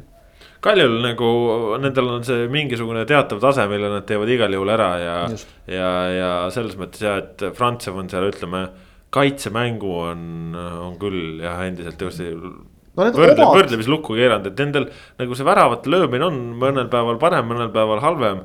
aga, aga kaitses nad on soliidsed, Marko Meerits väravas väga tugev ja. omad asjad on paigas. et see, see on see klassika, see, et, et noh, tegime oma ära, seda saab tõesti Kalju puhul öelda, noh nagu nii, nii mängustiili mõttes kui ka tavaliselt äh, tulemuse mõttes et hakkasin tegelikult vaatama, et noh, neil hooaja alguses läks untsu, aga et, et pärast seda nagu punkte kaotatud nüüd naljalt päris tükk aega ei ole tegelikult ja on tegelikult sel ajal selle, no see Levadia mäng läks nagu selles mõttes aia taha, et üks-neli, aga, aga ülejäänud suurtega mängud on olnud kõik üheväravalised kaotused, et noh, tegelikult nagu see. see asi võib-olla ei ole nii hull, aga vaat Kaljul on täpselt sama asi, kaks meest mängukeelu all, Homutov vigastatud või noh, mis iganes tal põhjus oli, igatahes istus ta seal Marin ja Tjapkiniga koos ka tribüünil. järgmises mängus jälle kaks meest mängukeelu all. ja äh, pink oli neljameheline et vot seesama sügavus just, et noh, see, et kui, kui nagu rääkida siin esikolmiku püüdmisest, siis jah, punktivahe ei ole nii meeletu. aga kui sa vaatad, kui palju on noh, Floral, Levadial, Paidel pingilt võtta ja no isegi sellel samal Legionil võib-olla veel pingilt võtta. mehi, kes nagu mängu muudavad, et sa saad või sa saad teha näiteks seda, et noh, ükskord alustad Artjuniniga, ükskord Olberkisega. Kaljul sellist luksust ei ole et see, see on nagu minu arust Kalju suurim mure. see Kalju kolm-null võidumängus skooris ka kaitsja Avilov lõin numbrid kokku nelja mänguga, Flora ja, ja Trans ei mänginud. nelja mänguga kokku kolmteist väravat, üks oma värav, seitse väravat lõid kaitsjad ja ülejäänud äh, viis. Pole paha. kaitsjate äh, voor Nädal,. nädalavahetus jah. no halloo ründajad küsiks selle kohta kuidas käitud, järgmine voor, järgmine voor on tõestamise koht. ei noh, ütleme, et nendest suurimatest koorijatest siis Belaršvili panustas seekord söötudega, Kirss lõi oma ära ja. Ja Anier ja Sapinen ei mänginudki ja siis järelikult ongi nii, et peavadki siis mehed lööma. vot nii palju premium-liigast siin üks väike teade veel vahepealselt tuli, et Transi mainis, et ei mänginud, Transil nüüd ühte väravahti ka jälle ei ole, et äh, Richard Aland no,. Richard. Richard jah, Richard, vabandust jah, Richard Aland äh, praegu ikkagi käib poole aasta kaupa klubides ja, ja Transis siis pidu jälle läbi, et seal. Ütleme ka, asjad risti läksid siis suhtumised ja, ja, ja mõtted, et äh, kahju, kahju, ega muud ei olegi. kahju sellepärast, et äh, asi sai lõpplahenduse nüüd niivõrd pärast seda üleminekuakna sulgumist, noh, mõned päevad, et oleks natuke varem saanud, siis siis, siis oleks olnud natukene kergem, aga nüüd see tähendab seda, et ega Alandil on noh, pool aastat puhkust väga tahaks loota, et ta ei otsusta selle aja jooksul, et, et prooviks pärast peale tippjalgpalli midagi muud ka, sest et kuidagi ma ei tea. tegemist on ju erakordselt sümpaatse inimesega ja, ja noh, ikkagi Eesti mõistes väga korraliku väravavahiga, et. kahju, et tal kuidagi nii on läinud, et, et noh, Flora pool aastat, Levadia, noh, okei okay,, Floras oli kauem seda vindumist nagu, aga. või tuleb jälle keegi, võtab jälle koha ära sult, eks ole. et, et noh, kohti nagu on. aga, aga nüüd ei ole, et noh, ütleme näiteks kui vaatad, et Viljandi tulevik tõi Poplavski see. noh, võib-olla oleks olnud kaalumise koht, eks ole, kui Aland oleks olnud paar nädalat varem vaba. et neil oli vaja kedagi teist, kogenumat natukene, said, praegu kui vaatad isegi, no isegi kui praegu Aland oleks vaba mees, siis no ega premium-liiga klubides väga palju nagu ei ole. Vaprus on Vainule teinud panuse ja, ja oleks nagu natuke Vaino suhtes ebaõiglane võib-olla jälle, noh, Aland on seal käinud ka ja ja, ja noh, vist võib-olla ikkagi natukene on siin ka palgasoovide küsimus, et, et noh, see on ju paratamatu, et kui sa oled mänginud nagu tippklubides, et siis su soovid on vähe teised. aga, aga Transi jaoks selles mõttes noh, ega Maksim Pavlovile võimaluse andmine ei ole halb, aga kujutame ette, Pavlovil väike vigastus, üks punane kaart, väravail ikka ette tuleb ja siis on sul seitsmeteistaastane poiss seal, eks ole, kes, kes pole nagu üldse mänginud sel tasemel. no ja, ja Pavlovi vanust me teame ka, et sai kaheksateist no,. see on kõva juba kaheksateist jah, et ja kõva kaks mängu on premium-liigat mängitud. mulle nagu tundub, et materjali seal on, aga jah, noh visata nüüd niimoodi poiss pea ees vette. ta vist äh, äkki selle äh, Leegioni U üheksateist satsiga on vist isegi kulda nad vist ei võitnud mullu Tammeka ees see U üheksateist eliitliigas, aga meistriliigas, aga vist äkki hõbeda said kätte seal ka. Paulo. finaalis jah, ju ja. Tammeka ju võitis, et jah, aga, aga et noh, ikkagi see on nagu hoopis teine tase, et noh, minna meeste mängu mängima, et, et no on, on kahes esimeses mängus jätnud minu meelest nagu väga tubli mulje, et ei värista ega midagi, aga noh, see on selge, et seal tuleb vigu sisse ja, ja noh, pannes siia juurde selle, et äh, okei okay,, põhjused on erinevad, me täpselt ju kõiki põhjuseid ei tea ka, aga eelmisel aastal Andreas Vaiklaga läks nagu läks. nüüd siis läks nagu läks Alandiga, et, et noh, Transi võimet nagu meelitada Tallinnast mängijaid Narva lihtsalt paratamatult on niigi piiratud, sest noh, kaugel on nagu kõikidel teistel Tallinna välistel klubidel ja, ja noh, ega need asjad nagu kergemaks ei tee seda ilmselt. aga on ju ka häid näiteid, Meritsal läks ju. ei muidugi. uuesti pildi, Kotenko vist. Kotenko ju käis ka Tallinna vahet, ta oli ju samal ajal vist Levadias lastetreener, et, et noh, tal oli, oli kokkulepe tehtud, et, et kui tuleb mõned päevad enne mängu kohale, teed siin, siis on hästi ja. ja peaasi, et see toimib, aga, aga jah ka,, kahega läks hästi. nüüd siis järgmise kahega mitte nii hästi, et et, et noh, näis, Transil võib ka ikkagi veel eelmisel aastal vaatasime ka mingil hetkel, et nüüd on korras, jäävad ilusti püsima ja siis madistasid seal lõpuks seal tagaotsas, et. et ega neil see punktivahe nüüd ei ole nii suur jälitajate ees, tulevikust vist kolmega ees praegu, et. Liiga, liiga hüpata ei ole seal. nii on, nii on jah, aga veel siin saate lõppu räägime natuke sellest, mida Flora teeb euroväljadel on siis klubil endiselt võimalus ikkagi tagada omale pääse alagrupi turniirile ja selleks oleks vaja siis äh, homme teisipäeval Omonia üle mängida, esimene mäng võõrsil null-üks kaotus. noh, mängu, kus Omonia oli, oli parem võistkond, aga kus tegelikult Floral oli päris mitu sellist võimalust, kust oleks võinud ka parem õnnekolla ära lüüa ja see mäng oleks võinud vabalt ka viigimäng olla, et Omonia noh, sai omale pealelööke, sai, sai küll rohkem, aga need olid tihti sellised kahekümne, kahekümne viie pealt mingid siuksed väga optimistlikud üritused ja noh, Matvei Igonen tegi väravas küll korraliku partii, aga, aga noh, tegelikult noh kui, kui enne mänge oli ka juttu, et, et Omonia ikkagi Leegiast klass kõrgem, siis, siis noh, praegu seda noh, nüüd nii suurt kõrgemat klassi näha ei olnud, et oli lihtsalt korralik jalgpallivõistkond, aga mitte midagi sellist, mida ei võiks ära hammustada minu jaoks oli üllatav, et nad ei hakanud seal oma selles palju räägitud palavuses algusest peale ise suruma.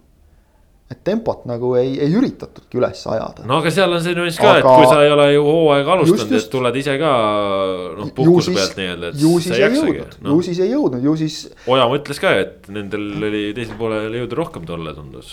noh, ja tegelikult, kui vaadata noh, võib-olla noh, naljaga pooleks, võib-olla Hendrik Ojamaa ei peaks nagu kogu meeskonna eest rääkima, sest noh, temal on alati jõud, et see, see, see nagu ei ole see kõige parem nagu mõõtkava, aga tegelikult oli, et, et just, just selles mõttes ka ju oli vastupidavust, et Flora noh, mida me oleme siin teistes euromängudes näinud, mitte ainult Flora, vaid ka Levadia näitel, et noh, lõpus väsiti. et siin ei olnud seda ja tõesti, selles mõttes oli Ojamaal õigus, et Flora ju seal üritas lõpus veel teha asju. ja, ja, ja selliseid poolšansse oli, et noh, loomulikult see on see klassikaline dilemma, et null üks, noh, tegelikult okei okay, tulemus, millega ära minna, lähme nüüd liialt seda viigiväravat taga ajama, pannakse teine veel ja siis on juba halvasti. et selles mõttes ma arvan, kordusmängule Flora lähenemine on kuidagi, noh, ma ei tea, eks seda oskavad nüüd võib-olla treenerid, mängijad öelda, aga ta on nagu võib-olla mõnes mõttes isegi kergem, et sul ei ole nagu seda dilemmat, et noh. Lähen, ei lähe, tõusen, ei tõuse, nüüd on väravat vaja. ja me nägime, kuidas tegelikult Leegia vastu selles, sellises olukorras ju mängiti väga korralik esimene poolaeg. saadigi värav teisel no, poolel. ei no ütleme tegelikult jah, selle hetkeni, kuni värav löödi, mängiti ka teisel poolel jah, väga korralikult. kahjuks noh, siis mingi jobu võttis ära selle värava Florat, aga ja, ja, ja see tõi trahvi ka. jah, siis natukene pakuti talle õlut topsi sees ja, ja siis tuli trahv ka muidugi, aga noh. aga ma arvan, ju ta pärast ütleme, et kui ta esialgu võis olla nagu, et mis asja, mis toimub, siis ma arvan, kui ta videot vaatas, ta sai väga hästi aru, et. selles mõttes vaata peakohtuniku suhtes kindlasti ebaõiglane, et noh kui häälekohtunik tõstab lipu, et suluseis, siis ta peab selle fikseerima, see nüüd nii selge ei, ei olnud. ei pea, ei fikseerima. no pea sellises fikseerima. olukorras peab, sest et sa ei. no peakohtuniku käes on lõplik otsus, ta, ta võib öelda, et kuule pane. selles olukorras seal on võimalik temal hinnata, et ei ole nagu. kui sa kahe meetri võimalik, noh, sa võid, sa võid öelda, sa ei pea tegema otsust. Ei no ma saan aru, mis sa mõtled, aga. ei muidugi ei pea jah, selles mõttes, et kui nagu ilmselge eksimus on, siis, siis ei pea vilistama, aga, aga noh, see selleks, sellest oleme juba. sellest on räägitud. jahunud pikalt, aga kõik võimalused on olemas. mulle, mulle tundus ka, et Flora nagu pigem oli oma mänguga ise rahul pärast, pärast mängu, et noh, kui sa nagu vaatad tegelikult, et sellise mänguga, kus, kus nagu tehti üks raamilöök. kus, kusjuures see oli esimese poole lõpus Sappineni väga hea löök ja muide veel üks asi, esimese poole lõpp Floralt võib olla, et mängu parim periood me oleme harjunud, et noh, Eesti koondis ja, ja, ja nagu klubid ka kipuvad just seal poolaegade lõpus kuidagi väsima ja, ja ära vajuma, võib-olla seda vilet ootama.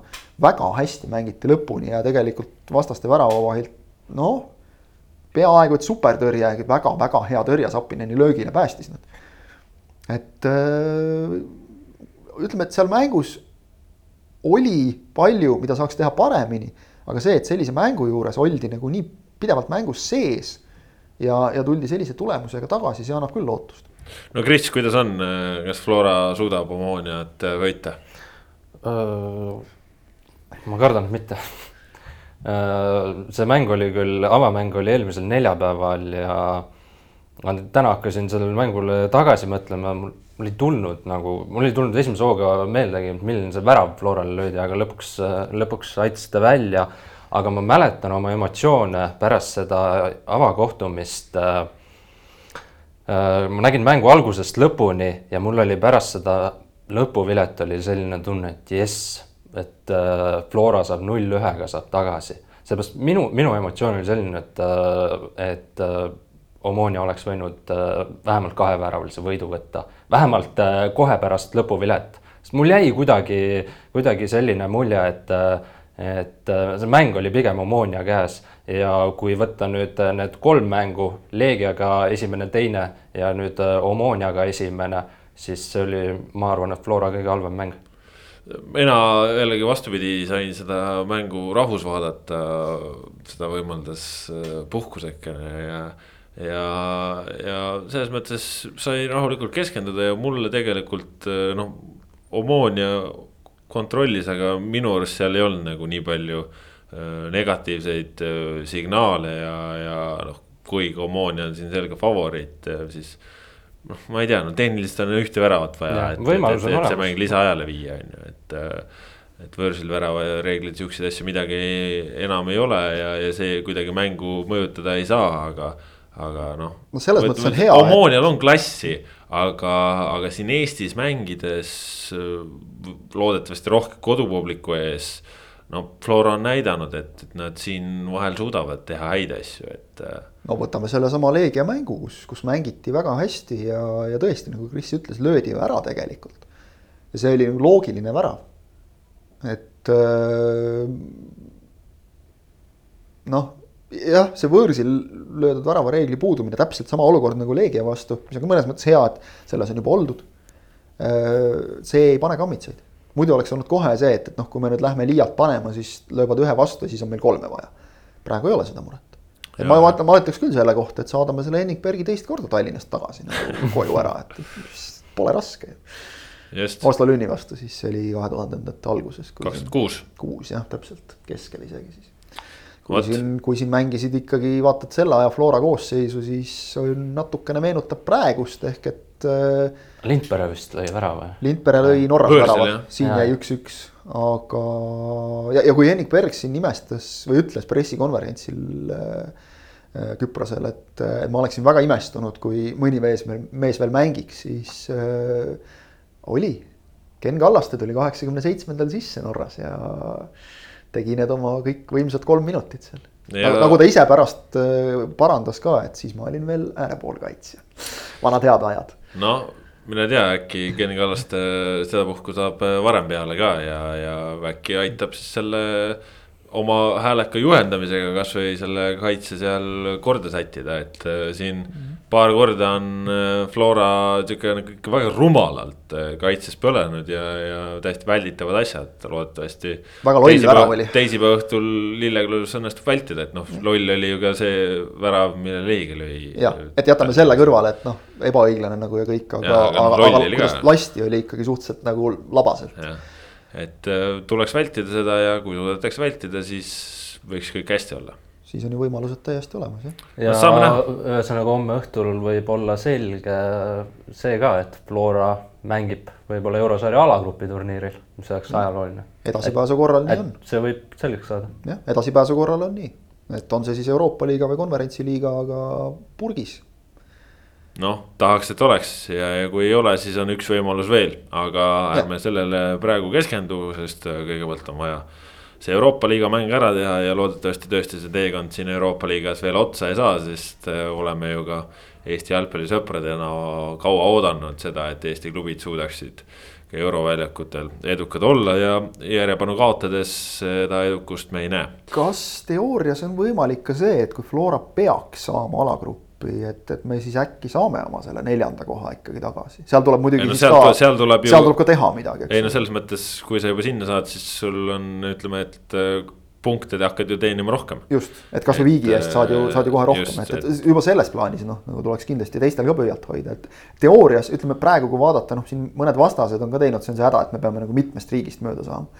Et mõnel ei ole nii hästi läinud, aga, mõned on teinud päris häid tulemusi. no häda on ka see olnud, et me ise oleme oma need tulemused Jaa, ei, ära muidugi. käkkinud oma mängu lõppudega, et äh, Jah. loodetavasti on vastupidavust, loodetavasti saaks natuke neid punkte, sest pole neid nüüd mõnda aega saanud, sest on siin tulnud järgmine kaotused, aga kuidas läheb, seda näitab meile aeg. selline oli pikk ette ja ise järele saja kahekümne seitsmes saade, mis oli siis siin saate esimeses pooles suurema fookusega välismaa jalgpallil ja eks seda välismaa jalgpalli hakkame siin lähiajal kajastama rohkem ka uuel nädalal. Lähevad käima mitmed tippliigad, kõige selle kohta saate Sokkernetist lugeda ja, ja ennast kursis hoida, mis toimub mis ees ootab äh, ja, ja nii edasi.